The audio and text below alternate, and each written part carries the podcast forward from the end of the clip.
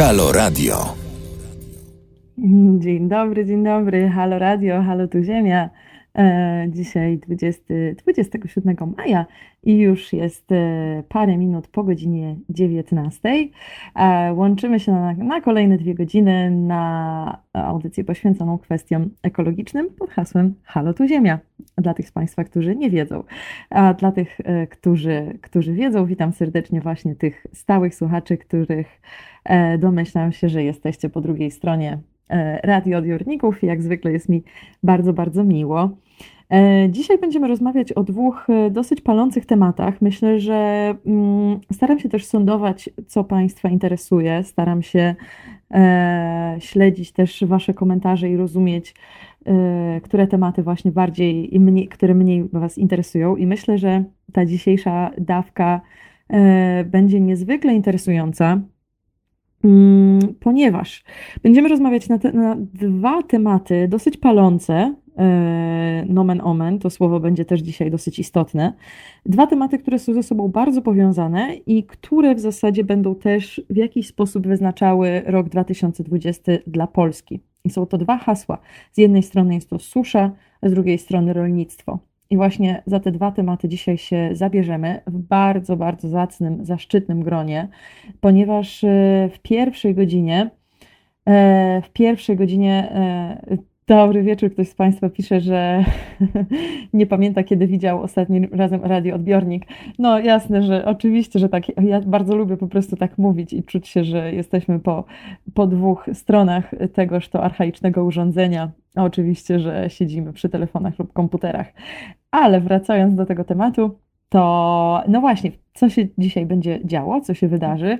W pierwszej godzinie moim gościem będzie e, Zbigniew Karaczun, e, profesor, mm, e, przedstawiciel koalicji klimatycznej, niezwykła osobistość, niezwykły, niezwykły autorytet w zakresie w zakresie bioróżnorodności, w zakresie zmian klimatu. Jest to mm, człowiek, któremu też, której, któremu wiedzy ja bardzo, bardzo ufam. Jest to dla mnie też pewien e, autorytet właśnie w tej dziedzinie. Zresztą pewnie Państwo pamiętają, że e, w grudniu raz już był gościem w audycji Halo tu Ziemia. E, była to bardzo ciekawa rozmowa.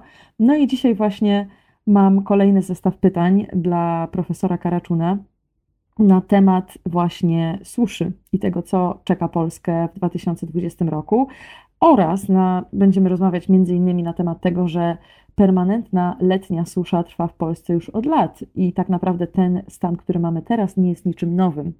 Tylko przez jakiś czas gdzieś tam się mm, ludziom cały czas wydawało, że Polska będzie taką zieloną wyspą Europy i że nasze zasoby wody y, wystarczą na to, żeby wyżywić nie tylko nas, ale też może z pół Europy, no a wcale tak nie jest. Y, no więc właśnie o tym porozmawiamy.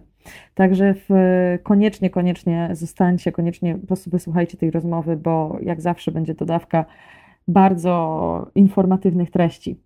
A druga godzina, równie ciekawa oczywiście, y, moją gościnią będzie Justyna Zwolińska z Uniwersytetu SWPS, doradczyni prawna e, w zakresie e, działań na rzecz polityki żywnościowej. No i właśnie o tym będziemy dzisiaj rozmawiać, ponieważ Unia Europejska ogłosiła e, dwie nowe strategie. Strategia różnorodności biologicznej oraz strategia tak zwana od pola do stołu. Wiem, że Państwo też się mocno interesują zagadnieniem żywności i też rolnictwa.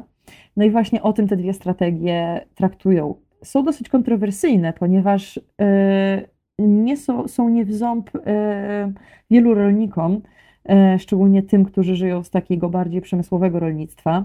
E, zdradzę Wam tylko mniej więcej o co w tych założeniach chodzi, między innymi o to, że strategia ma skłaniać rolników do dosyć mocnych ograniczeń w stosowaniu nawozów i pestycydów, ale też ma wyjąć pewne tereny produkcji rolnej na ochronę krajobrazu oraz pod uprawę ekologiczną. Z drugiej strony też jest duży, duża krytyka tych strategii, że wcale nie są one wystarczające e, po to, żeby do tego, żeby promować uprawę ekologiczną, a przede wszystkim, żeby, żeby dbać o dobrostan zwierząt. Wielu krytyków tych strategii mówi, że tak naprawdę one i tak promują um, przemysłowy chów zwierząt. No więc właśnie o tym z Justyną, z panią Justyną Zwolińską porozmawiamy, o tym, czy te strategie coś dadzą. A czemu mówiłam, że te tematy są połączone? No oczywiście susza przede wszystkim wpływa oczywiście na wiele różnych innych kwestii też, ale między innymi my ją odczujemy właśnie w tej e, dziedzinie uprawy żywności, w tym, że zbiory będą plony, będą dużo mniejsze. Czas wegetacji e, roślin, warzyw, owoców się też mocno zmienia, e, więc tutaj ta produkcja żywności przede wszystkim jest zagrożona. To też wynika z tego, że dzisiejszy sposób produkcji żywności, dzisiejsze rolnictwo przemysłowe jest bardzo nieefektywne tak naprawdę, ponieważ jest mocno niezwiązane z naturalnymi procesami ziemi. I jeżeli, e, jeżeli byśmy wrócili do takich starszych technik rolniczych, jak na przykład permakultura, to wtedy okazuje się, że e, wodę można pozostawić w obiegu dużo prościej niż rzeczywiście to się dzieje teraz. I rozmawialiśmy już o tym nieraz. Dzisiaj też połączymy te dwa tematy, porozmawiamy o tym więcej. Także e, serdecznie Was zapraszam na te dwa tematy. E, I to już za chwilę. E, a teraz Moloko, Sing It Back, jedna z moich ulubionych piosenek i też zapraszam Państwa do wysłuchania tego. I już po paru minutach łączymy się z profesorem Zbigniewem Karaczunem. Zapraszam serdecznie. Halo Radio. I witamy po przerwie w audycji Halo tu Ziemia. E, tak jak mówiłam, zapowiadałam chwilę przed przerwą, e, już teraz roz, będzie, rozpoczniemy zmagania z pierwszym tematem dotyczącym suszy. E, I pierwszym moim gościem będzie doktor habilitowany Zbigniew Karaczun z uczelni SGGW oraz z Koalicji Klimatycznej. Mam nadzieję, że już jest po, po drugiej stronie. Halo, dzień dobry. Dzień dobry Pani, dzień dobry Państwu. Dzień dobry, dobrze Pana słyszeć. E, cieszę się, że jest Pan z nami. E, rozmowa, Nawzajem. którą odbyliśmy chyba w grudniu, to było zeszłego roku, była e, dla słuchaczy jedną zdecydowanie z najciekawszych rozmów na naszych antenach, także cieszę się, że mam okazję raz jeszcze Pana gościć. Panie bardzo profesorze, miło, pewnie nie. Bardzo się cieszę. Cieszę się. Panie profesorze, pewnie nie będę tutaj oryginalna w, mm, w, zagadnieniach, o które pana spytam, bo domyślam się, że całe szczęście oczy mediów zwrócone są właśnie w tą stronę, czyli w stronę suszy. E, e, no, każdy w tej chwili już e, widzi i może zaobserwować te wysychanie, które w Polsce następuje. Mnie trochę zdziwiła może nie do końca informacja, że tak naprawdę ta permanentna letnia susza w Polsce już trwa od lat. Co się zmieniło teraz w takim razie? Co się zmieniło w tym roku 2020 i, i czemu ta ziemia nasza jest już wyschnięta na pieprz? Rzeczywiście mamy duży problem z suszą. Y, ja myślę, że takim to, co pani powiedziała, jest dobrym dowodem na to, bo y, w zasadzie mamy poważniejszy kryzys, czy taki kryzys, na którym od dwóch miesięcy tak naprawdę jesteśmy zamknięci w domach i tak naprawdę nie, nie, nie, nie, nie działamy normalnie, nie funkcjonujemy normalnie, a mimo to rzeczywiście kwestia suszy i problem suszy przebija się przez zagadnienia COVID-u i koronawirusa, pandemii, także rzeczywiście to jest wielki problem. Dlaczego teraz e, tak stał się istotny w Polsce? E, dlatego, że to jest trzecia bardzo głęboka susza e, kolejna. Czyli e, nie wiem, czy Państwo pamiętacie, ale w 2018 roku myśmy mówili o stuletniej suszy, że och, takiej suszy to jeszcze w Polsce nie było, czy nie było przynajmniej od 100 mhm. lat.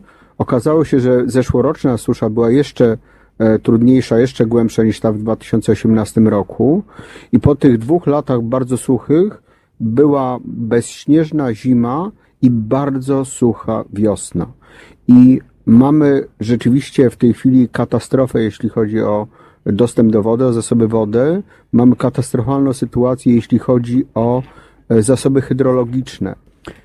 Bo to też wyjaśnię, bo może słuchacze tego nie wiedzą, e, są różne rodzaje susze. I najczęściej my słyszymy i mówimy o suszy rolniczej, czyli takiej, która dotyka uprawy rolne. Ale najbardziej mhm. niebezpieczną suszą jest susza hydrologiczna.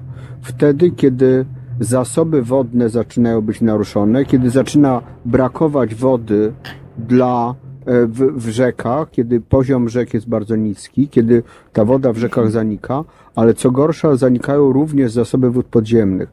I z taką suszą mamy w tej chwili w Polsce do czynienia. No właśnie, ja pamiętam, że y, rzeczywiście to, o czym Pan powiedział, że ten rok 2018 był uznawany za taki przełomowy, jeśli chodzi o falę ciepła mm, i suszę. Natomiast pamiętam też, ta, jeszcze raz wrócę do tej naszej rozmowy, którą mieliśmy y, w zeszłym roku w studio. To był grudzień, spotkaliśmy się w ciągu dnia.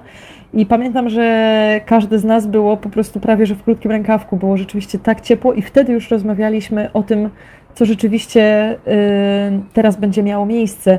I to jest też, y, dla mnie to jest uderzające, że wtedy ta nasza rozmowa, pamiętam, że Pan przepowiedział z dokładną precyzją właśnie dokładnie to, co się teraz stanie. I oczywiście nie, nie przepowiedział, nie potrzebował Pan do tego tarota, tylko swoją wiedzę i prawa fizyki i biologii.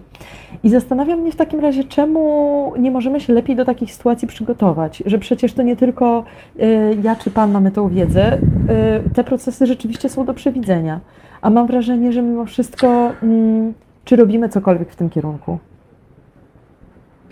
E, no, rzeczywiście, znaczy to, to, to, na co Pani zwróciła uwagę, jest bardzo, tutaj chyba kluczowe. To znaczy, e, susza zawsze występowała i susza jest czymś zupełnie normalnym. Co pewien czas susza występuje, jest, e, zawsze była i prawdopodobnie zawsze będzie nam towarzyszyła, bo to jest normalna fluktuacja warunków meteorologicznych.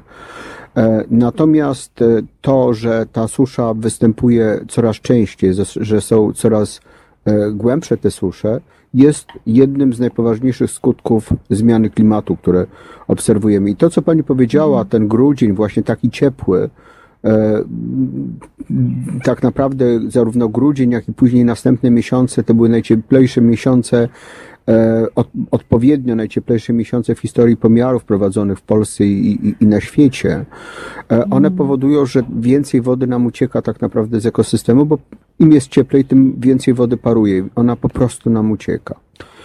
Czy możemy się do tego przygotować? E, jasne. I rzeczywiście my, czy w zasadzie powinniśmy się do tego przygotowywać i można się w jakiś sposób przygotować, czy ograniczyć skutki suszy.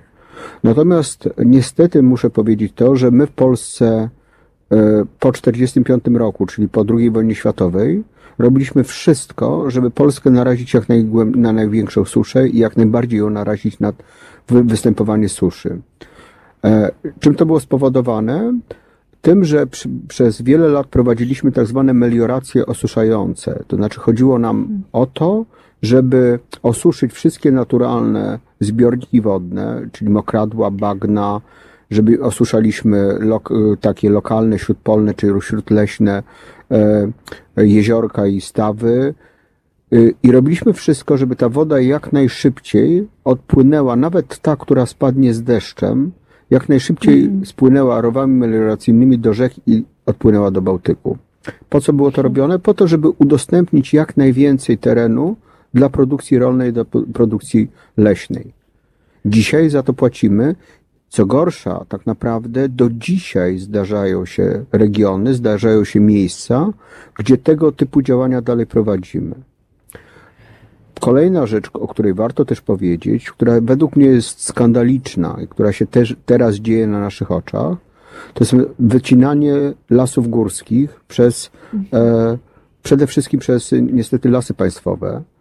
E, to powoduje, że zbocza, które są pozbawione drzew, odsłonięta jest gleba i woda tam bardzo szybko spływa, zabierając muł, ale spływa całe zbocze, ale ta woda przede wszystkim bardzo szybko spływa i jak jest nawalny deszcz, powoduje lokalne podtopienia, lokalne powodzie, tak zwane flash, flash floods, czyli takie błyskawiczne powodzie, bardzo niebezpieczne dla zdrowia i życia ludzi, ale również dla majątku trwałego, ale ta woda błyskawicznie przez te melioracje nam ucieka do, e, do, do Bałtyku.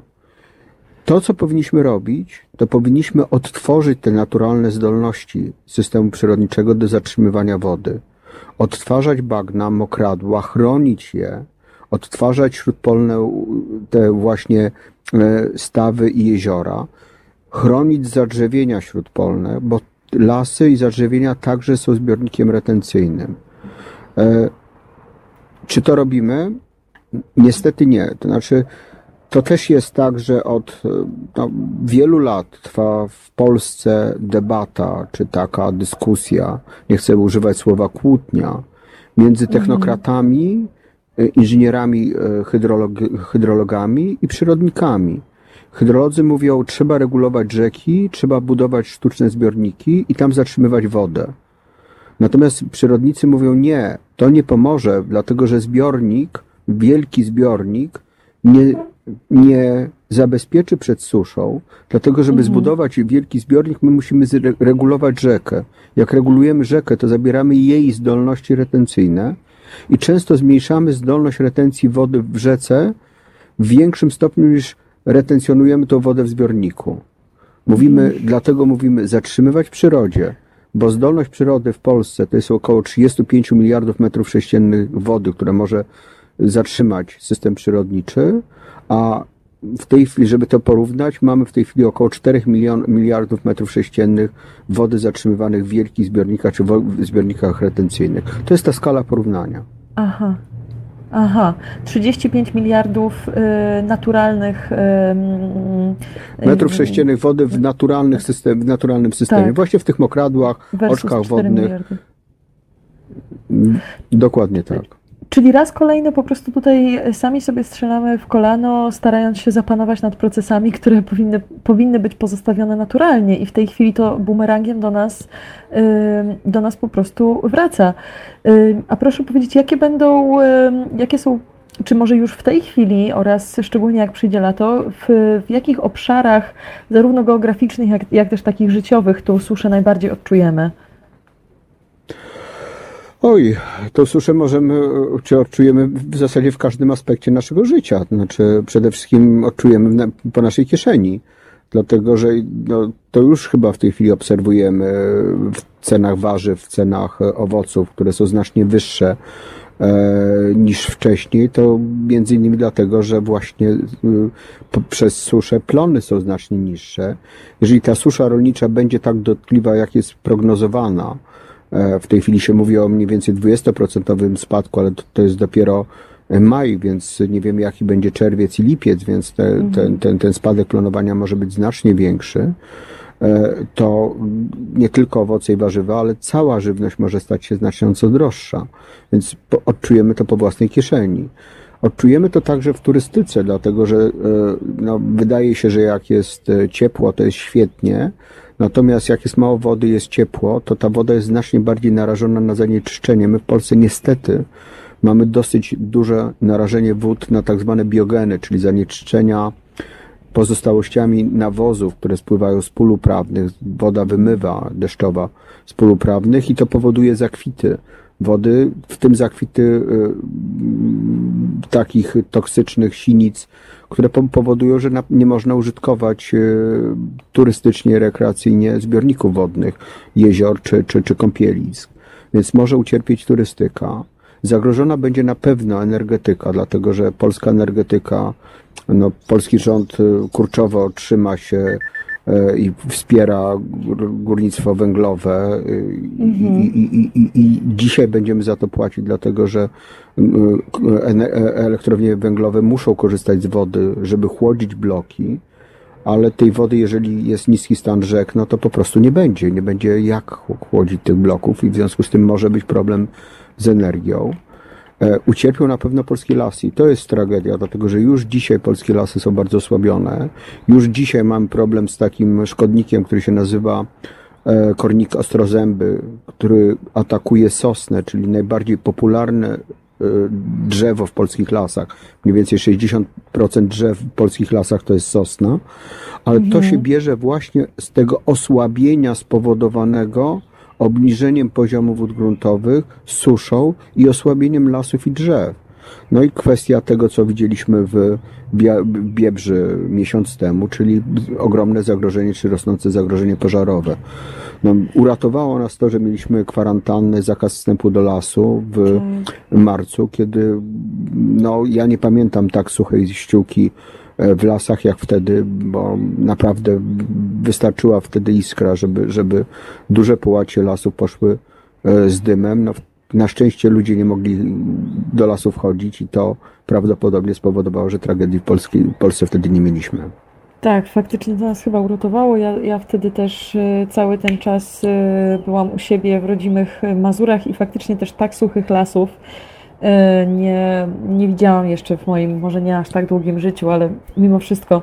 E, Panie profesorze, bardzo bym chciała jeszcze parę pytań Panu zadać, natomiast formuła też naszego radia jest taka, że mamy przerwy muzyczne, więc jeżeli mogę Pana prosić o pozostanie parę minut z nami na linii. Chętnie wysłuchanie- posłucham dobrej muzyki. No jasne, to mam dla Pana piosenkę Share. Bardzo się E, cieszę, bardzo dziękuję. Zapraszam serdecznie i do usłyszenia dosłownie po paru minutach.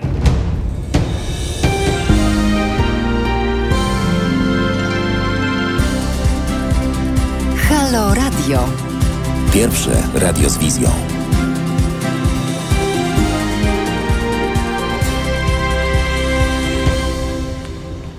Jesteśmy już po przerwie w temacie suszy w audycji Halo Tu Ziemia. E, Ze mną na antenie dr Zbigniew Karaczun z uczelni SGGW.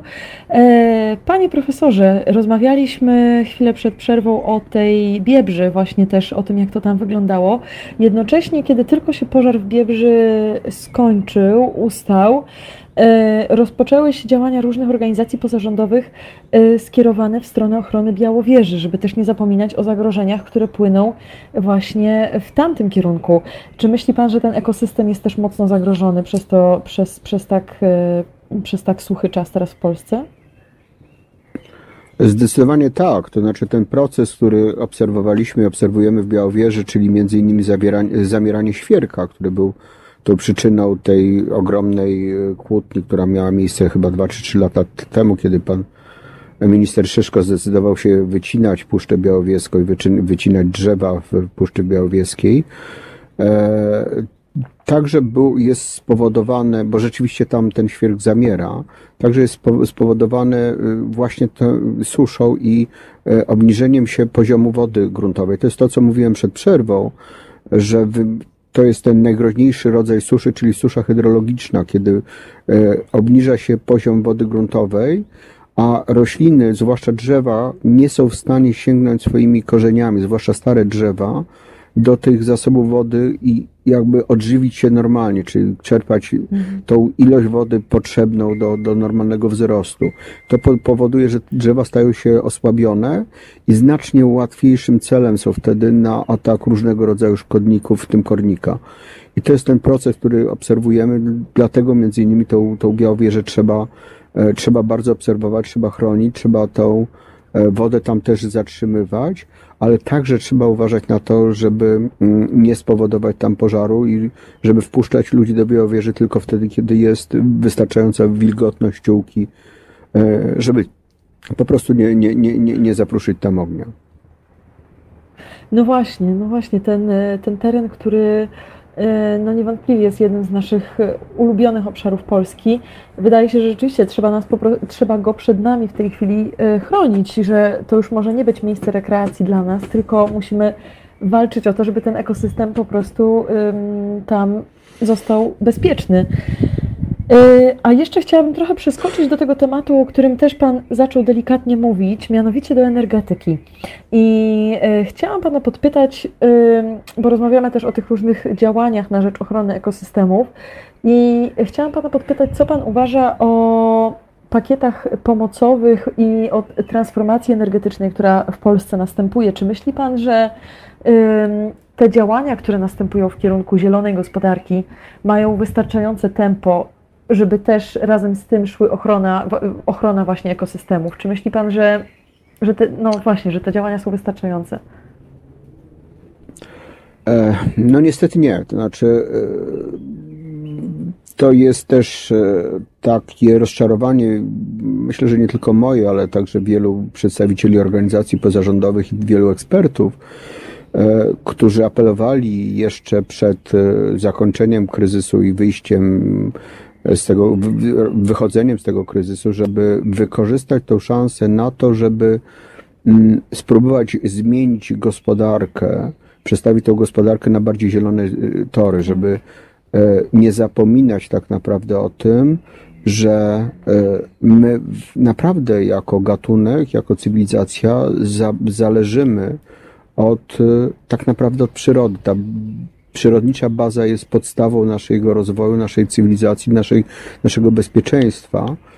E, I to, że ma, mieliśmy kryzys spowodowany koronawirusem, nie oznacza, że nagle zniknęło zagrożenie spowodowane zmianą klimatu, utratą różnorodności biologicznej, czy zanieczyszczeniem, utratą dostępu do, do, do, do słodkiej, czystej wody. W związku z tym e, my powinniśmy szukać teraz takich sposobów, żeby wspierać takie działania, które będą służyły, czy będą e, zgodne z zasadami zrównoważonego rozwoju, żeby jednak pewnym kryterium udzielania pomocy publicznej e, na wychodzenie z kryzysu było przestrzeganie prawa ochrony środowiska, żeby było przestrzeganie pewnych zasad, które są zgodne z zasadami zrównoważonego rozwoju, po to, żeby budować bardziej bezpieczny świat, żebyśmy E, nie było tak, że wyjdziemy teraz z kryzysu spowodowanego COVID-em e, i za rok wpadniemy w kolejny kryzys spowodowany przekroczeniem kolejnych granic planetarnych i kolejnych granic bezpieczeństwa ekologicznego. Mhm. No, w zasadzie to ciężko powiedzieć, że ten kryzys się za rok może nastąpić, bo tak naprawdę to ten kryzys yy, myślę, że przechodzimy już od od jakiegoś czasu, że gdzieś on się rozpoczął i kwestia chyba tego, czy go y, przyhamujemy po prostu, czy nie. I faktycznie łatwo jest stracić fokus, łatwo jest stracić tutaj y, patrzenie na to, co tak naprawdę jest ważne i no i że rzeczywiście na przykład właśnie ta susza postępująca ma, będzie miała dużo większe skutki gdzieś tam też w, w długookresowe niż, niż ten kryzys spowodowany COVID-em który w tej chwili przechodzimy, tak jak Zdecydowanie tak, I, i, i, i, i, ale znaczy, to, ja, ja powiem jedną rzecz, to znaczy e, dla mnie COVID e, jest, czy pokazał jedną rzecz, znaczy pokazał absolutną bezradność i nieprzygotowanie e, polityków, także polskich polityków, którzy nami rządzą, na sytuacje kryzysowe i na takie zarządzanie w, i, i słuchanie się nauki. No jeżeli mamy dzisiaj informację, że y, agencje wywiadu jeszcze w styczniu informowały rząd europejski o tym, że COVID jest znacznie bardziej niebezpieczny niż nam się wydaje, że na pewno wystąpi w Europie, że w Europie na pewno będzie miał taki wymiar, jak ma w Chinach, a polski rząd w lutym jeszcze wysprzedawał z zapasów maseczki, które później zabrakło dla lekarzy, to jest ten dowód na absolutne lekceważenie przez polityków wyników badań, już nawet nie, nie tylko naukowych, ale takich informacji, które do nich docierają i które powinni brać pod uwagę, podejmując decyzje. I oni to zlekceważyli, myśmy za to zapłacili, tak? Bo zapłacili przede wszystkim lekarze, dla których brak, brak było tych maseczek. E, to zresztą nie tylko, bo to może dla usprawiedliwienia trzeba dodać, że to nie tylko w Polsce tak, takie lekceważenie wystąpiło, ale niestety w większości krajów europejskich chyba jedynie rząd estoński się przygotował do tego i wziął na poważnie te doniesienia i rzeczywiście był dobrze przygotowany do, do, do, do, do wystąpienia pandemii. Natomiast my od, naukowo, nauka mówi od kilku lat, że stąpamy po cienkim lodzie, że jesteśmy na krawędzi, że przekraczamy kolejne punkty krytyczne i co? Mhm. I politycy to lekceważą, nie podejmują żadnych działań, czekają tak naprawdę, aż rzeczywiście ten kryzys się wydarzy i wtedy tylko wtedy może być niestety za późno, żeby, żeby podjąć skuteczne działania. No tutaj Jasne, udało nam tak. się, bo zamknęliśmy się w, w mieszkaniach, y, przeczekaliśmy tę najgorszą falę, chociaż myślę, że e, kryzys ciągle jeszcze trwa. No, jeżeli popatrzymy na statystyki zachorowań i umieralności, to na, naprawdę ta linia się wcale nie, nie, w Polsce nie zmniejsza, czyli to cały czas trwa. E, ja bym nie chciał, żeby tak było za, za, za chwilę z, z, ze skutkami zmiany klimatu czy ze skutkami kryzysu ekologicznego. Mhm. No właśnie, tylko kwestia tutaj z, z tym COVID-em była też taka, że zareagowaliśmy szybko, bo, bo to były widoczne, ten kryzys był widoczny od samego początku. A tutaj właśnie, tak jak Pan wspomniał, z klimatem jest tak, że w momencie, kiedy już to widzimy, te skutki, prawda, to to są tak długie procesy prowadzące do tego, do tego miejsca, w którym teraz jesteśmy, że niestety nie da się tak łatwo tego odwrócić, jak e, wiem, w przypadku właśnie COVID-u, że to jest miesiąc, dwa i gdzieś tam już to się, e, to się zmienia. Em, no właśnie, ale propos tych podejmowania działań, tak jak Pan wspomniał, polityków ciężko jest do tego skłonić, a jeszcze zastanawiam się w kontekście suszy. Y, Czy są jakieś takie pryncypia, jakieś przepisy, które, które my nawet możemy stosować? Em, No, Znaczy ja, my, ja myślę, że tak. Znaczy, oczywiście e, każdy z nas może się mo, mo, może i powinien tak naprawdę e, efektywnie wykorzystywać wodę i tą wodę oszczędzać. No, jest taki ruch e, teraz miejski, który polega na tym, że zbiera się wodę, tak zwaną wodę szarą, czyli taką, która wykorzystuje się, nie wiem, do mycia warzyw, która nie jest zanieczyszczona detergentami, później się wynosi kubełek idąc na, na dwór, czy wynosząc śmiecie, podlewa się pobliskie drzewo, czy pobliskie krzaczki po to, żeby ta woda e, dla, dla tych roślin była i żeby tę wodę, którą tak w innym wypadku spuścilibyśmy do kanalizacji, jednak wykorzystać na miejscu, więc takie ruchy są. No, każdy z nas może w jakiś sposób e, oszczędzić tej, trochę tej wody. E, nie wiem, biorąc prysznic zamiast się kąpać, e, czy, czy, czy wyłączając wo- wodę, kiedy myjemy zęby. E, Można zbierać deszczówkę, jeżeli się mieszka w domku jednorodzinnym, tą deszczówkę wykorzystywać później do podlewania ogródka, e, wtedy, kiedy tej wody zaczyna brakować. Ale myślę, że tak naprawdę najważniejsze są działania systemowe i tu jest dosyć ważna kwestia, dlatego że e, rząd przygotowuje, czy ma zamiar przygotować taką ustawę dotyczącą przeciwdziałania suszy i to bardzo dobrze, że rząd się za to zabrał. Natomiast niestety ten program, który jest w tej chwili przygotowany, jest niezwykle technokratyczny. To znaczy to jest program na 60 kilka inwestycji, które tam są wymienione. 61, czyli prawie dziewię- czyli 90%, tak, czy ponad 90%, to budowa dużych zbiorników, czy regulacja rzek. E, My się musimy naprawdę domagać od e, naszych polityków, od rządu, żeby oni jednak mieli większy szacunek dla przyrody, dla tych naturalnych procesów, bo e, wpad- możemy wpaść z jednej pułapki w drugą. To znaczy zabetonujemy pół Polski, zabetonujemy polskie rzeki i okaże się, że tak naprawdę ani nie przeciwdziałaliśmy suszy, ani nie, nie e, e, spowodowaliśmy, że rolnictwo i inne sektory są bezpieczniejsze, a jeszcze na dodatek spowodujemy, że niebezpieczeństwo powodzi wzrośnie. Bo wszystkie regulacje, wszystkie budowy rzeczne, wszystkie e, jakby takie uproszczenia spływu rzek powodują, że tej wody, woda płynie szybciej, fala wezbraniowa jest wyższa i prawdopodobieństwo wystąpienia katastrofy, zarówno suszy, jak i powodzi, zwiększa się. Mhm.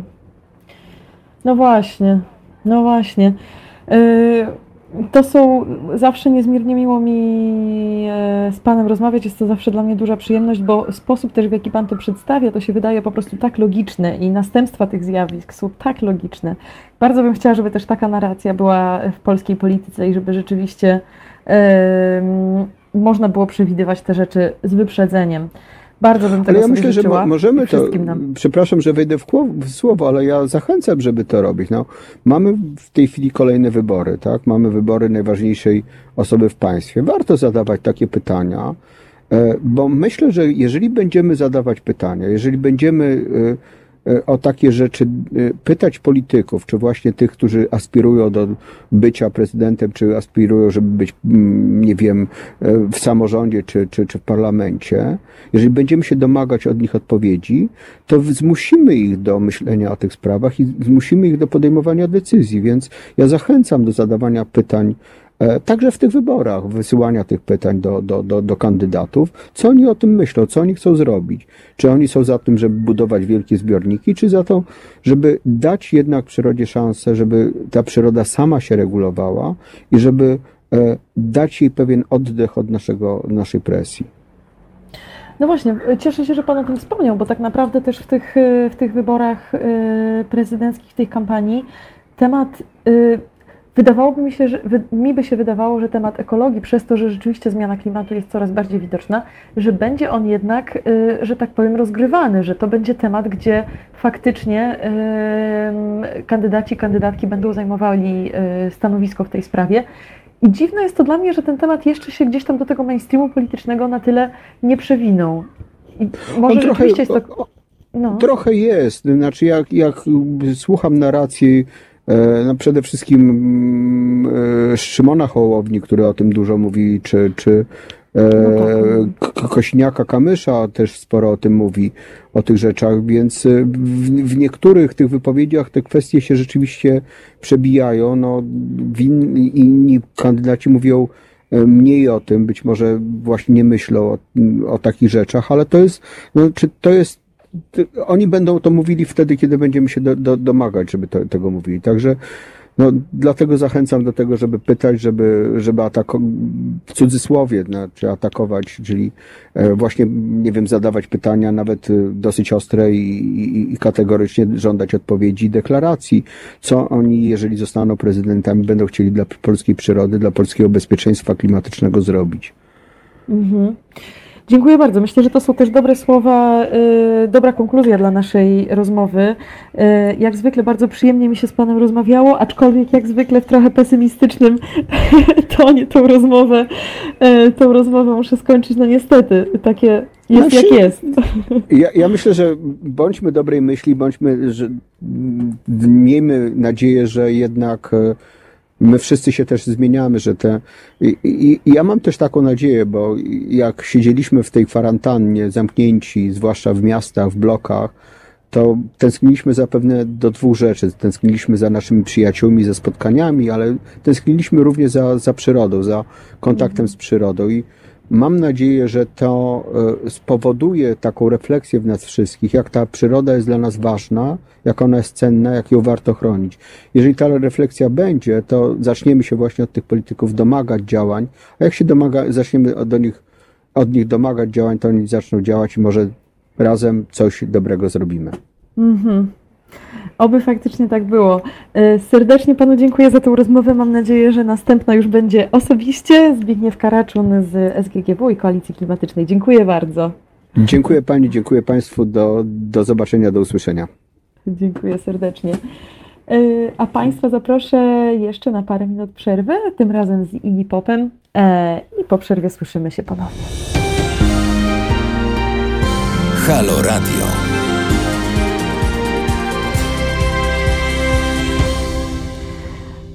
I jestem już po przerwie, po tej piosence Igiego Popa na ostatnie minut, no ostatnich parę minut do godziny 20.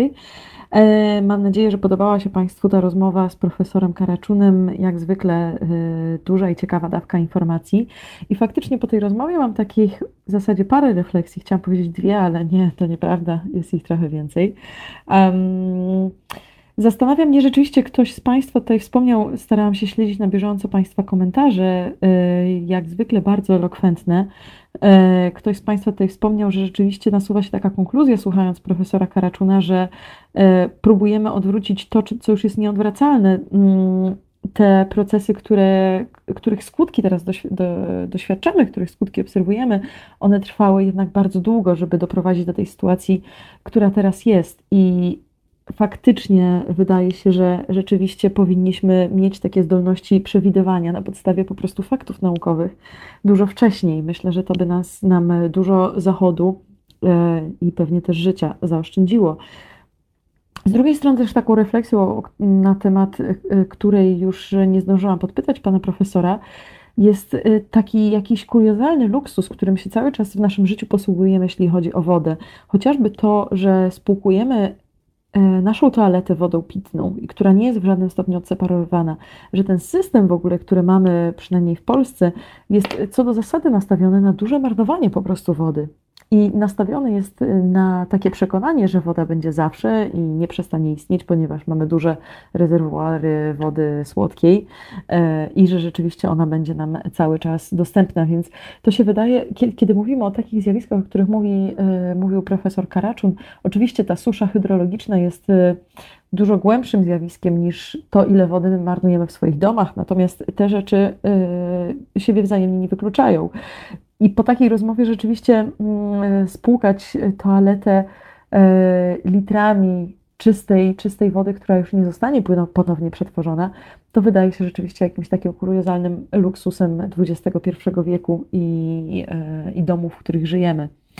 Ciekawe jest to, że ja od jakiegoś czasu śledzę, śledzę już temat wody, problemy wynikające z wody, z braku wody w różnych częściach świata i też wspominałam o tym w audycji. Tutaj dwa przykłady chciałam, chciałam przytoczyć. Chociażby sporu o wodę, która od jakiegoś czasu już się toczy między Portugalią a Hiszpanią, o E, wodę, która wypływa z rzeki Tak, która wypływa w Hiszpanii, a później wylatuje, przelatuje do Portugalii. E, I ta rzeka od jakiegoś, od paru lat zaczyna mocno wysychać. I kraje te, Hiszpania i Portugalia, mają między sobą umowę o to, że Hiszpania jest zobligowana e, zapewnić taką ilość, pewną ilość jeszcze tej rzeki w wodzie, tak żeby Portugalia, e, do której w drugiej kolejności ta rzeka wpływa, żeby jeszcze właśnie tam ta woda została. I teraz już e, te kraje nie, nie są w stanie dotrzymywać tych zobowiązań i w tej chwili już to jest rozgrywane na, w sądach międzynarodowych właśnie te spory. I rzeczywiście Hiszpania też jest pierwszym takim naprawdę mocno pustynniejącym obszarem w Europie. Wydawałoby się, że Polska jest od tego bardzo, bardzo daleka i to jest trochę zaskakujące, ale też zatrważające, że dzisiaj mówimy o podobnych rzeczach w kontekście naszego kraju. E, też to chyba był 2018 rok, jeśli się nie mylę. E, były przewidywania tak zwanego dnia zero dla Kapsztadu w Republice Południowej Afryki, czyli dnia, w którym po prostu ma zupełnie zabraknąć wody. E, nie tak jak nie wiem, w Polsce teraz się mówi, że tej wody będzie mniej. Tam rzeczywiście tej wody miało zupełnie zabraknąć, ponieważ susze trwały miesiącami, nie było żadnych już E, zapasów wody w zbiornikach retencyjnych. Tam były jakieś minimalne ilości na dnie, które były też trudne do odzyskania. I faktycznie takie były przewidywania. I w czasie tych, e, to był miesiąc, dwa czy trzy, kiedy ten dzień zero miał nastąpić i był przekładany, ludzie byli w stanie ograniczyć zużycie swojej wody chyba do 30% poprzedniego zużycia. Czyli rzeczywiście w skali całego miasta, w skali całego regionu, to była bardzo duża różnica, więc faktycznie tej wody zużywamy za dużo. Jest to pewien luksus, którego możemy się pozbyć. Mm, tam mm, pewna dosyć znana redaktorka magazynu Time, która właśnie w Kapsztadzie mieszkała, nagrała takie wideo swego czasu, gdzie pokazywała, ile razy e, daną wodę, którą wypuściła u siebie w domu z kranu, wykorzystywała w tym domu woda była średnio najmniej, minimalna ilość razy była wykorzystana trzy razy, czyli wodą najpierw, którą myjemy ręce, później myjemy naczynia, później podlewamy nią kwiatki, mniej więcej taki cykl, a na, na końcu dnia y, możemy spłukać nią toaletę.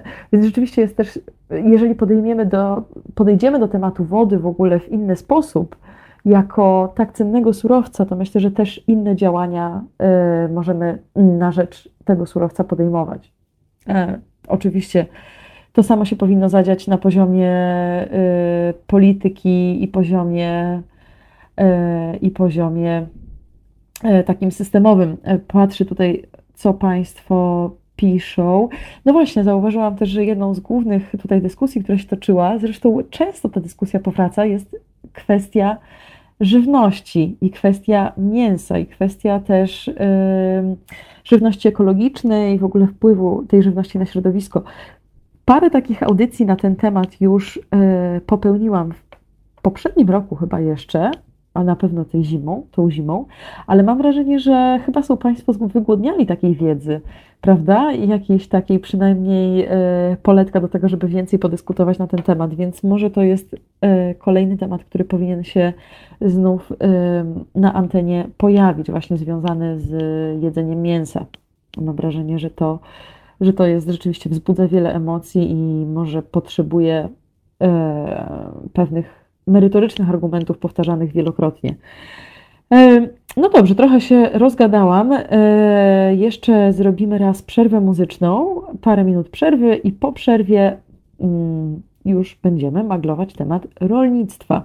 I tak jak wspomniałam wcześniej, nowych strategii Unii Europejskiej odnośnie, e, odnośnie różnorodności biologi biologicznej oraz, e, oraz zrównoważonego rolnictwa. No właśnie, co Unia Europejska planuje? Czy może w końcu zmienią się archaiczne e, przepisy systemu rolnictwa w Unii Europejskiej, które już nierzadko były krytykowane również na naszej antenie? E, dobrze, to zapraszam na chwilę przerwy i już po chwili będziemy się łączyć z Justyną z wami. Halo Radio. Gadamy i trochę gramy.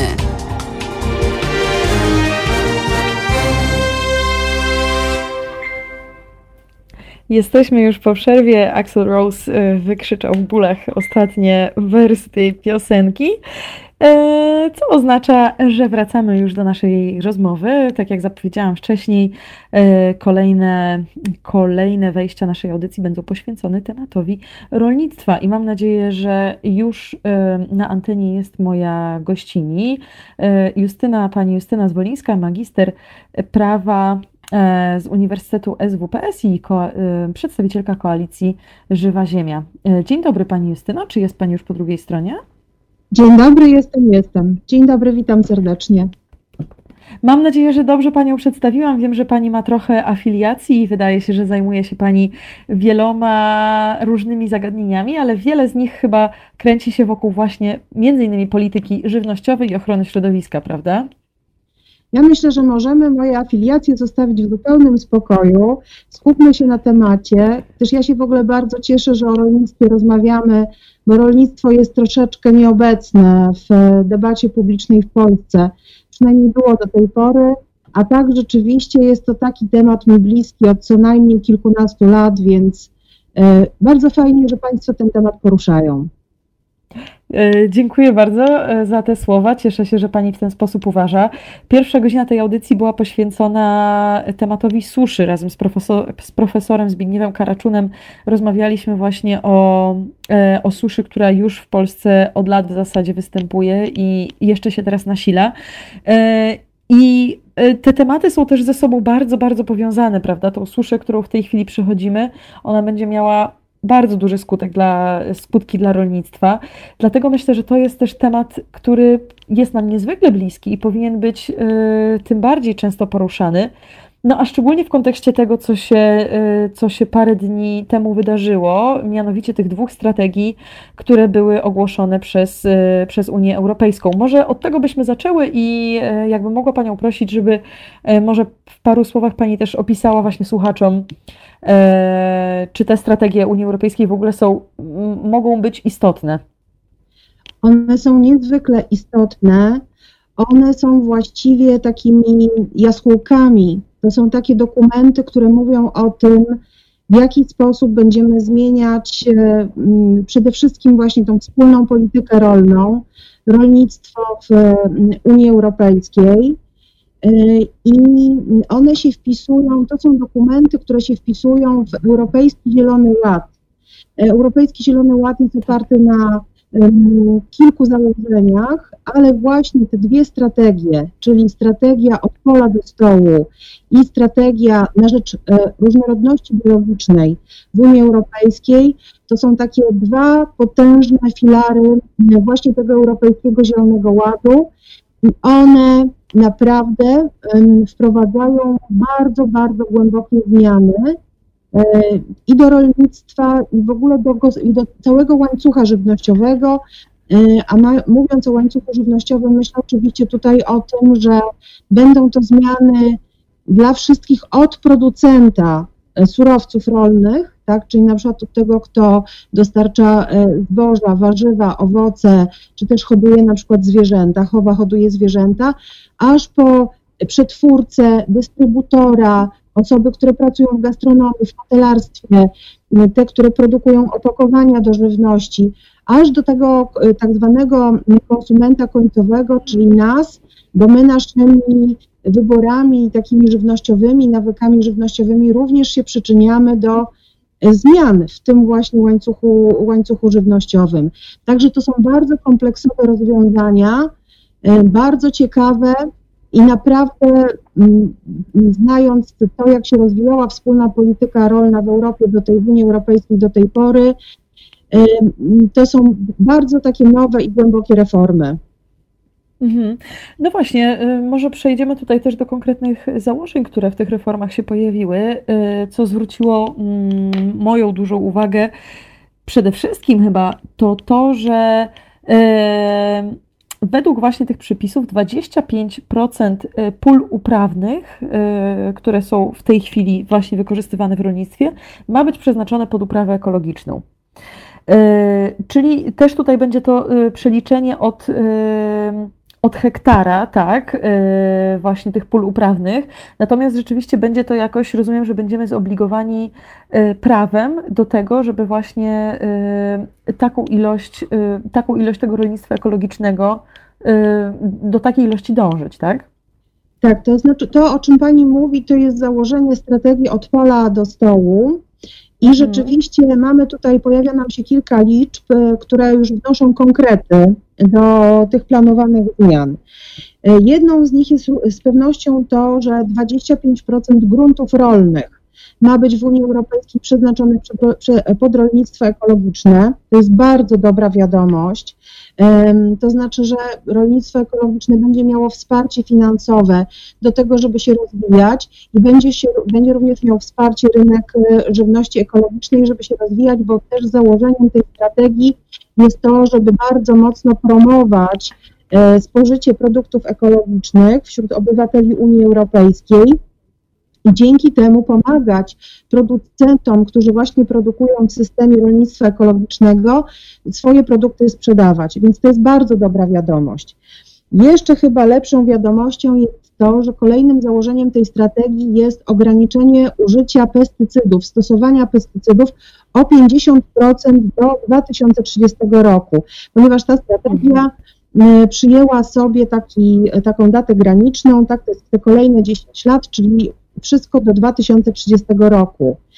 To zmniejszone zużycie pestycydów, zwłaszcza tych najbardziej niebezpiecznych, jest wspaniałą wiadomością y, i dla środowiska, tak, które cierpi, na przykład powoduje, użycie pestycydów powoduje i zanieczyszczenie gleby, i zanieczyszczenie wody, też pośrednie zanieczyszczenie powietrza, ale to jest właśnie bardzo dobra wiadomość dla naszego zdrowia dlatego że my nie chcemy pozostałości pestycydów w naszej żywności, zwłaszcza tych, które mają e, udowodnione działanie rakotwórcze.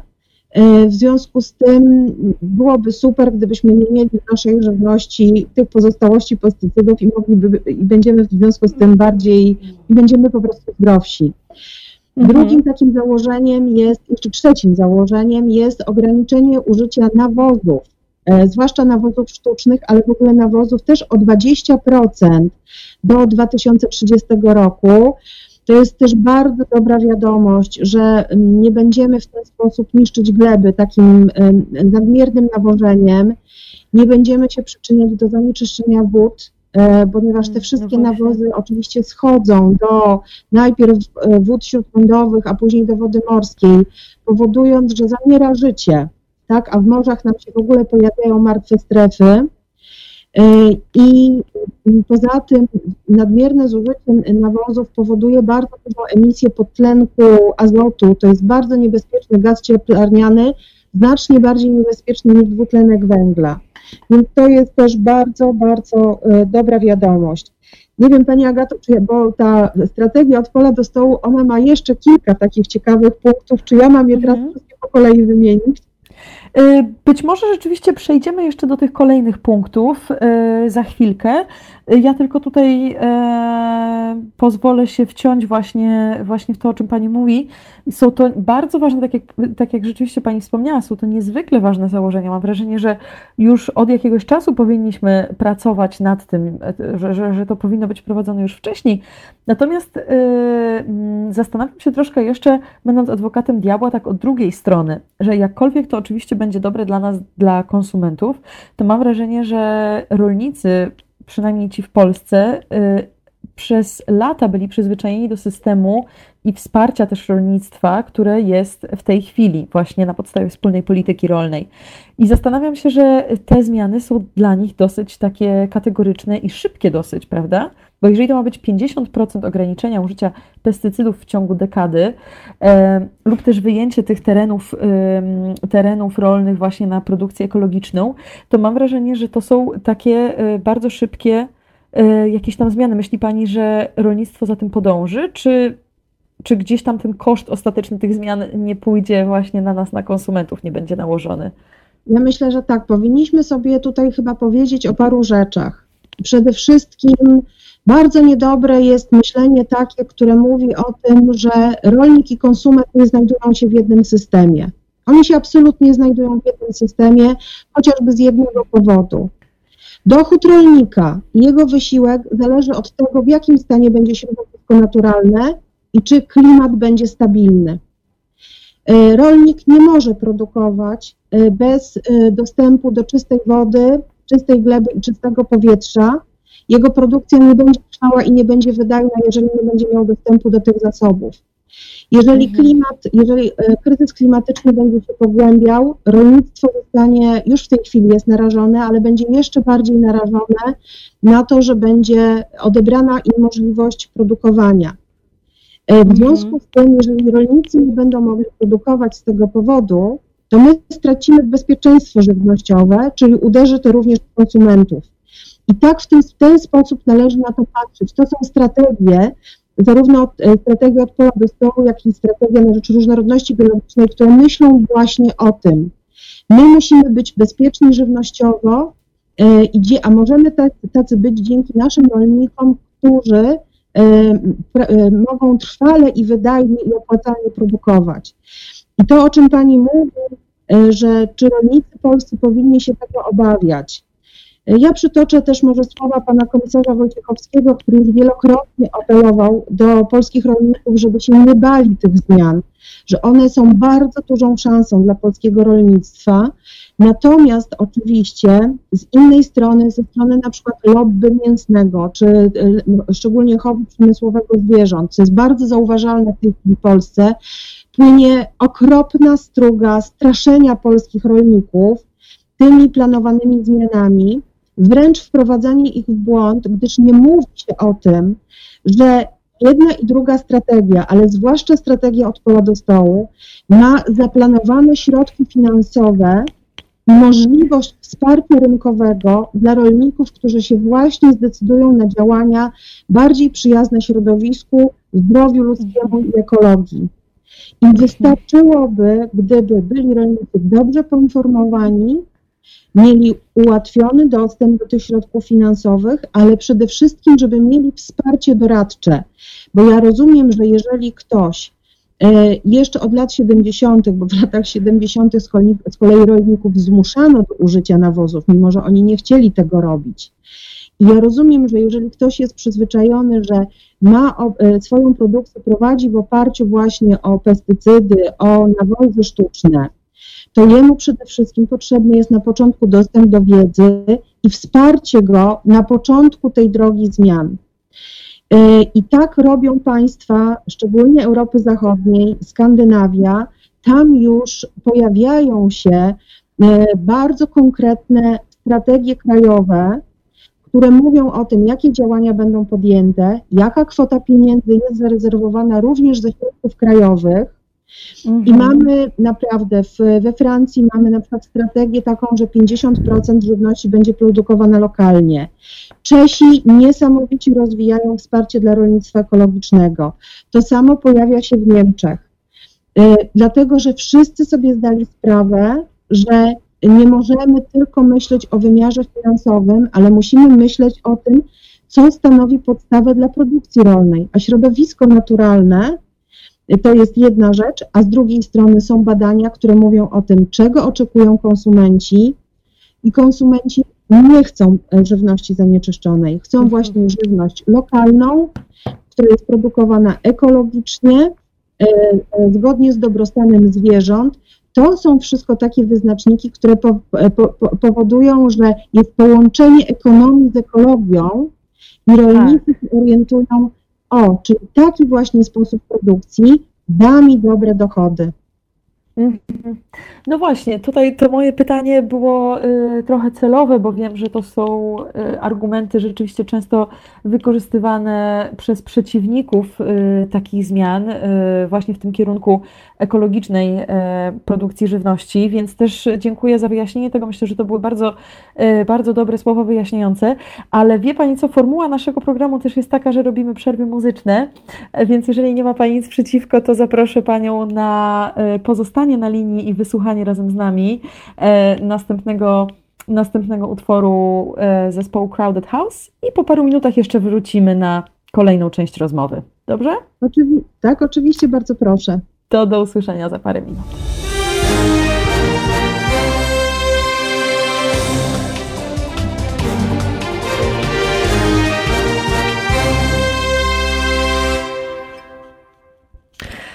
No właśnie, nie jest tajemnicą, że e, system rolnictwa zarówno w Polsce, jak i w Unii Europejskiej e, jest już dosyć archaiczny i wymaga zmian i właśnie e, to próbuje zrobić e, Unia Europejska od jakiegoś czasu, wprowadzając nowe, nowe strategie rozwoju rolnictwa.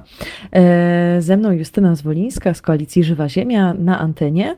Rozmawiałyśmy przed przerwą o tym, jakie są założenia tej strategii, ale też e, pani Justyna wspomniała hasło dobrostan zwierząt i właśnie to też bym chciała tutaj trochę e, pociągnąć. Mm, Kwestia jest taka, żeby zrobić wprowadzenie, kwestia jest taka, że rolnictwo odpowiedzialne jest za 10% gazów cieplarnianych na terenie Unii Europejskiej i aż 70% e, z tych 10% pochodzi z hodowli zwierząt. Z drugiej strony też ponad 70% europejskich gruntów rolnych przeznaczonych jest na produkcję żywności dla rosnącej cały czas ilości krów, cieląt, świń czy kurczaków. Wydaje się, że w tym niezrównoważonym systemie rolnicy, rolnicy, rolniczym hodowla, przemysłowa hodowla zwierząt zajmuje bardzo ważną, tutaj jakby dużą część mm, tego problemu. E, No i właśnie o to chciałam też jeszcze e, Panią podpytać. Czy Pani myśli, że te strategie Unii Europejskiej będą miały jakiś wpływ na przemysłową hodowlę zwierząt? Czy gdzieś tam mm, też to będzie dążyło w kierunku ograniczenia e, takich, e, takich, takich hodowli? To jest właśnie największa obawa w tej chwili bardzo silnego lobby mięsno-futrzarskiego w Polsce, ponieważ bardzo duża część strategii od pola do stołu jest właśnie poświęcona takim dwóm punktom. Jeden odnosi się do zrównoważonej produkcji zwierzęcej, ja za chwilę więcej o tym powiem, a druga część odnosi się do dobrostanu e, zwierząt. Dlaczego tak to zostało rozdzielone? Dlatego, że przy, jeżeli mówimy o zrównoważonej produkcji zwierzęcej, to musimy brać również pod uwagę wątek pasowy. E, Stała sytuacja z COVID-19 wykazała bardzo dużą mm, em, taką kruchość i słabość systemu żywnościowego w Europie, ponieważ my zależymy od aż 360 miliardów soi, która jest e, co roku importowana do Unii Europejskiej, właśnie po to, żeby zostać przeznaczona na pasze dla zwierząt. I nagle się okazało, że te długodystansowe transporty, tak, które zostawiają bardzo mm, głęboki ślad węglowy, nie mogły dotrzeć z wielu powodów i bardzo dużo w związku z tym osób, które się zajmują produkcją zwierzęcą, szczególnie mleczną, zostały, zostało narażone na pewne problemy, pewne kłopoty. Mieliśmy również problem z transportem zwierząt. Zwierzęta stały na granicy. Jest to bardzo, bardzo głęboki problem, więc e, tutaj przy zrównoważeniu Unia Europejska mówi, że będziemy rozwijali produkcję roślin białkowych na pasze e, dla zwierząt, tutaj tej naszej e, europejskiej produkcji, żeby już nie być zależnym od importu z całego świata. To jest dobra, to jest dobra wiadomość ale z drugiej strony mówi się również o tym, przy tym zrównoważeniu produkcji, że będą wspierani rolnicy, którzy, czy hodowcy, tutaj już mówiąc dokładnie tak, ci, którzy się zajmują hodowlą i chowem zwierząt, tacy, którzy Tak. się przyczyniają do zmniejszenia emisji i dwutlenku węgla, a zwłaszcza jeżeli chodzi o produkcję zwierzęcą metanu. Czyli już będą stosowane, będą promowane, będą wspierane takie systemy, które mówią na przykład o tym, że mamy e, zwierzęta nie w zamknięciu, ale że wprowadzamy zwierzęta na pastwiska, mamy określoną praktykę również chowu tych zwierząt. E, Tak, Unia Europejska przewiduje, że będą specjalne oznaczenia na produktach, które pokazują, czy pochodzi on właśnie z takiego rolnictwa niskoemisyjnego, z takiego chowu, hodowli zwierząt niskoemisyjnej. Więc to jest Mhm. bardzo, bardzo dobry pomysł. Mówi się też e, o tym w tej strategii, że nie będzie takiego promowania spożycia mięsa, a zwłaszcza, że niedopuszczalne będą kampanie, które promują spożycie taniego mięsa.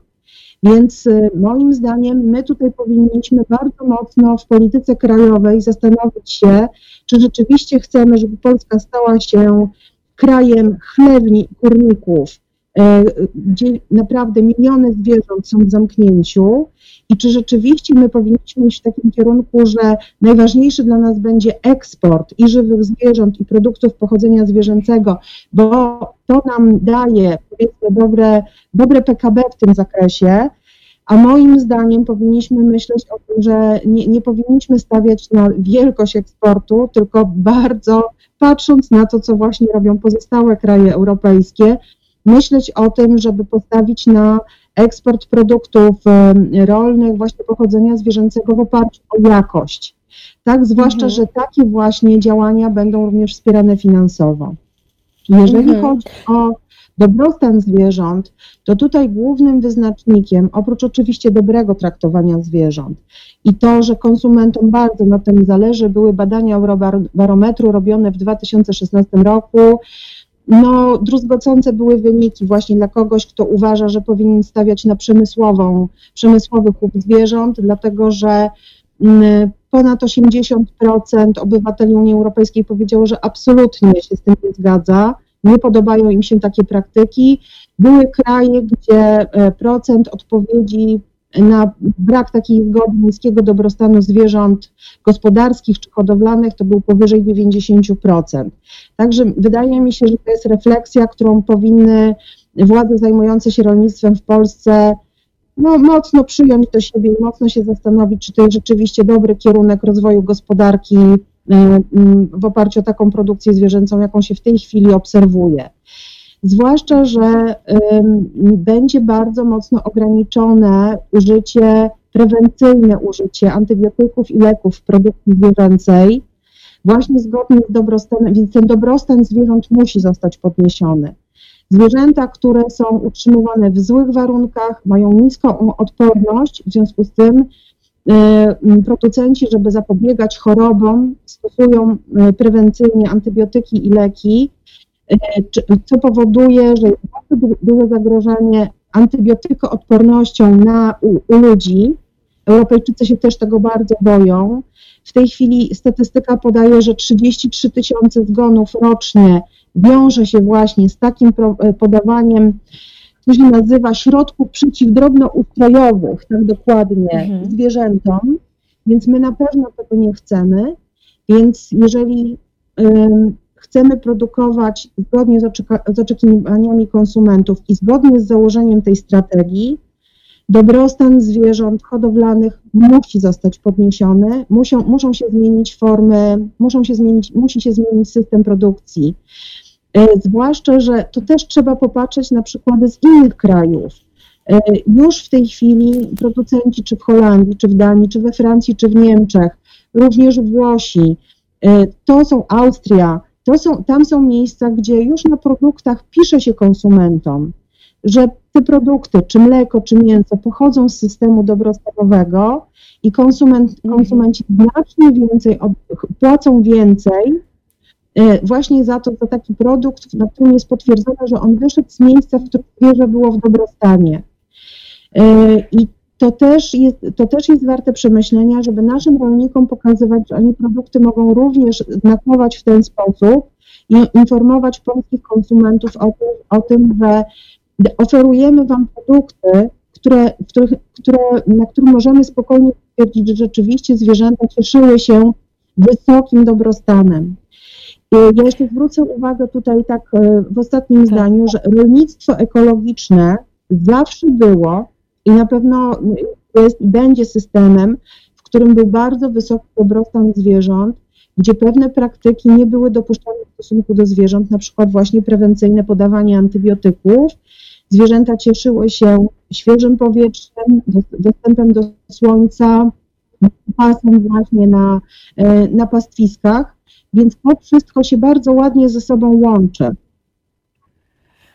No właśnie. Y, No właśnie, zdecydowanie e, tutaj o wielu wątkach Pani wspomniała, em, ale to, do, do, do czego się chciałam szczególnie odnieść, to właśnie to, że to my, konsumenci, też jesteśmy w stanie rzeczywiście wymuszać te zmiany przez nasze po prostu, y, przez nasze wybory konsumenckie. I rzeczywiście, tak jak Pani mówi, jeżeli my będziemy bardziej świadomi, będziemy bardziej wymagać też produktów, które y, gwarantują nam dobrą jakość, niezależnie jakby ta cena nie będzie wynikiem na przykład, nie wiem, em, w tej chwili drożejąca, y, y, podwyższające się ceny żywności czy warzyw są wynikiem suszy na przykład, więc jest to rzecz niezależna od nas.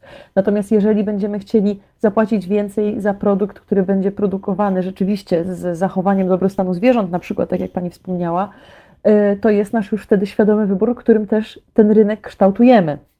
Ale odnośnie tych. Odnośnie zwierząt, jeszcze chciałam tutaj o jednej kwestii wspomnieć, bo nie wspomniałyśmy y, zbyt dużo o, o pszczołach, y, bo strategie te zostały ogłoszone właśnie w Międzynarodowy Dzień Pszczół też. y, Myślę, że nie bez znaczenia taka data została wybrana, bo aż 70% naszej żywności, jeśli nie mylę się w tych statystykach, zależy właśnie od tych, od tych owadów zapylających. I to zmniejszenie użycia pestycydów, nawozów też jest ukłonem w kierunku właśnie do tych małych, drobnych istot, zwierząt, od których jesteśmy e, kolosalnie zależni, prawda? I to chyba też może być e, w dobrym kierunku tutaj te zmiany mogą iść. Dobrze, to ja zrobię szybką taką korektę. E, Rzeczywiście 75% roślin, e, które również tych, które spożywamy, są zapylane przez owady zapylające, nie tylko pszczoły. Więc Mhm. e, w momencie, kiedy spada tak bardzo drastycznie populacja owadów zapylających na całym świecie, bo to oczywiście nie tylko dotyczy Polski, to jest to bardzo, bardzo zły znak. E, W ogóle liczy się, że tak e, to, co nam dostarcza przyroda, to jest 40 bilionów e, euro, czyli to jest jedna druga całego światowego PKB. O tym, o tym trzeba myśleć. Owady zapylające odgrywają tutaj niezwykłą rolę. I nawet nie tyle tak nawozy im szkodzą, co z pewnością środki ochrony roślin, tak, pestycydy, powodują właśnie, że mm, pszczoły, mm, pszczoły czy owady zapylające stają się e, populacją zagrożoną na świecie. Więc to jest rzeczywiście też, e, to akurat był wątek podniesiony w tej strategii na rzecz różnorodności biologicznej, ale to jest szczególnie ważne. Na pewno działania i też idące za tym i pieniądze e, będą w Unii Europejskiej skupione bardzo mocno na tym, żeby nie dopuszczać do większego spadku e, populacji owadów zapylających. I tutaj też musimy się odnieść do Polski, dlatego że trzeba zwrócić uwagę na to, że kraje Unii Europejskiej, większość krajów europejskich już wprowadziła zakaz y, stosowania szczególnie niebezpiecznych dla pszczół tak zwanych neonikotynoidów. A u nas na, natomiast zostały one dopuszczone na przykład do stosowania w rzepaku.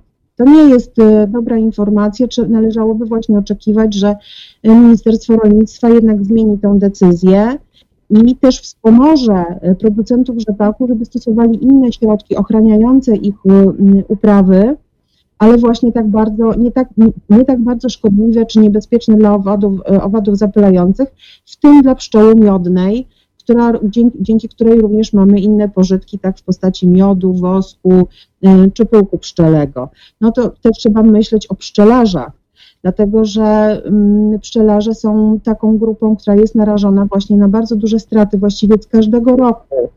W momencie, kiedy roje się nie odradzają, bo są właśnie, tak jest masowe wymieranie e, pszczoły miodnej, więc to jest też sektor gospodarki, o którym trzeba myśleć e, w tym zakresie.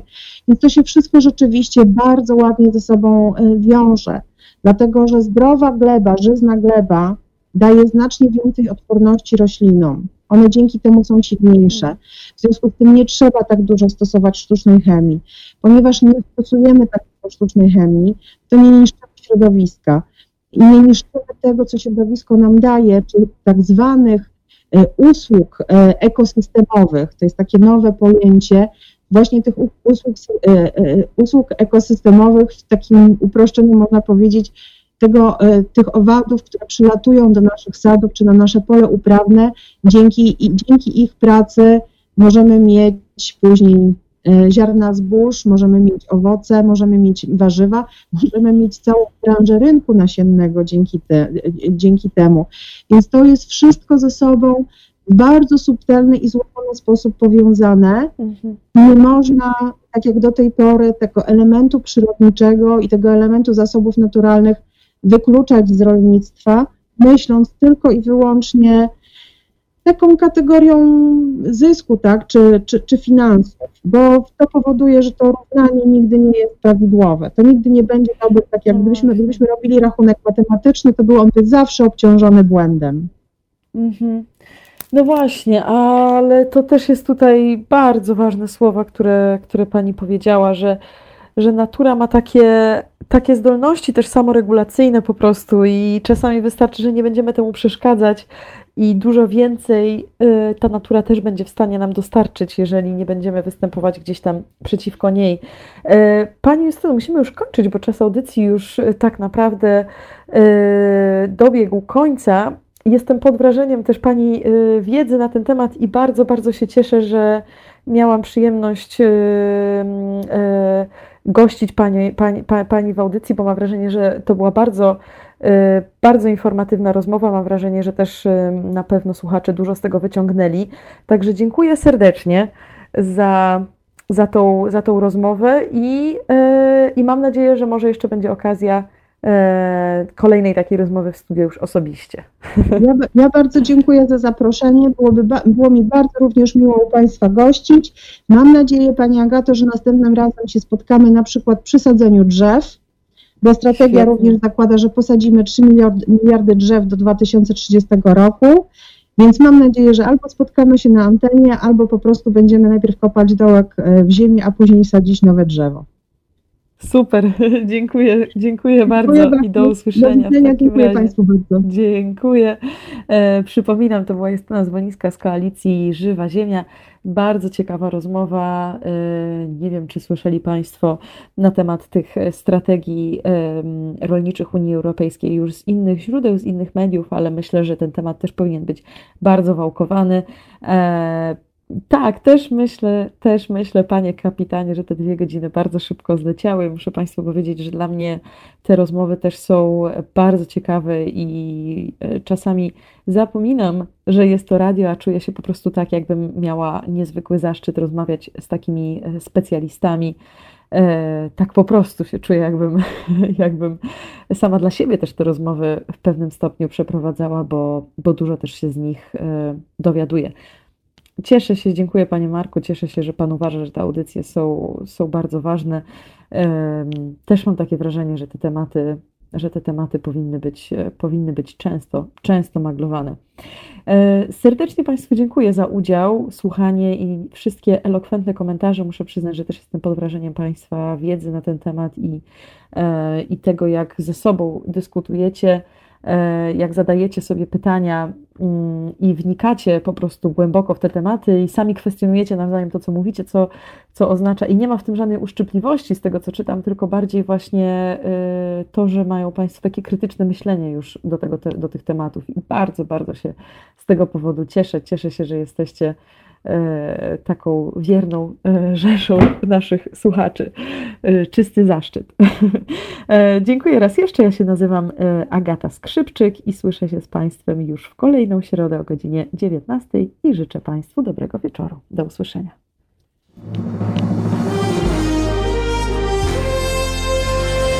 To proste. Żeby robić medium prawdziwie obywatelskie, potrzebujemy Państwa stałego wsparcia finansowego. Szczegóły na naszej stronie www.halo.radio, w mobilnej aplikacji na Androida i iOS-a oraz na koncie Fundacji Obywatelskiej w serwisie www.patronite.pl. Naszym darczyniom i darczyńcom serdecznie dziękujemy.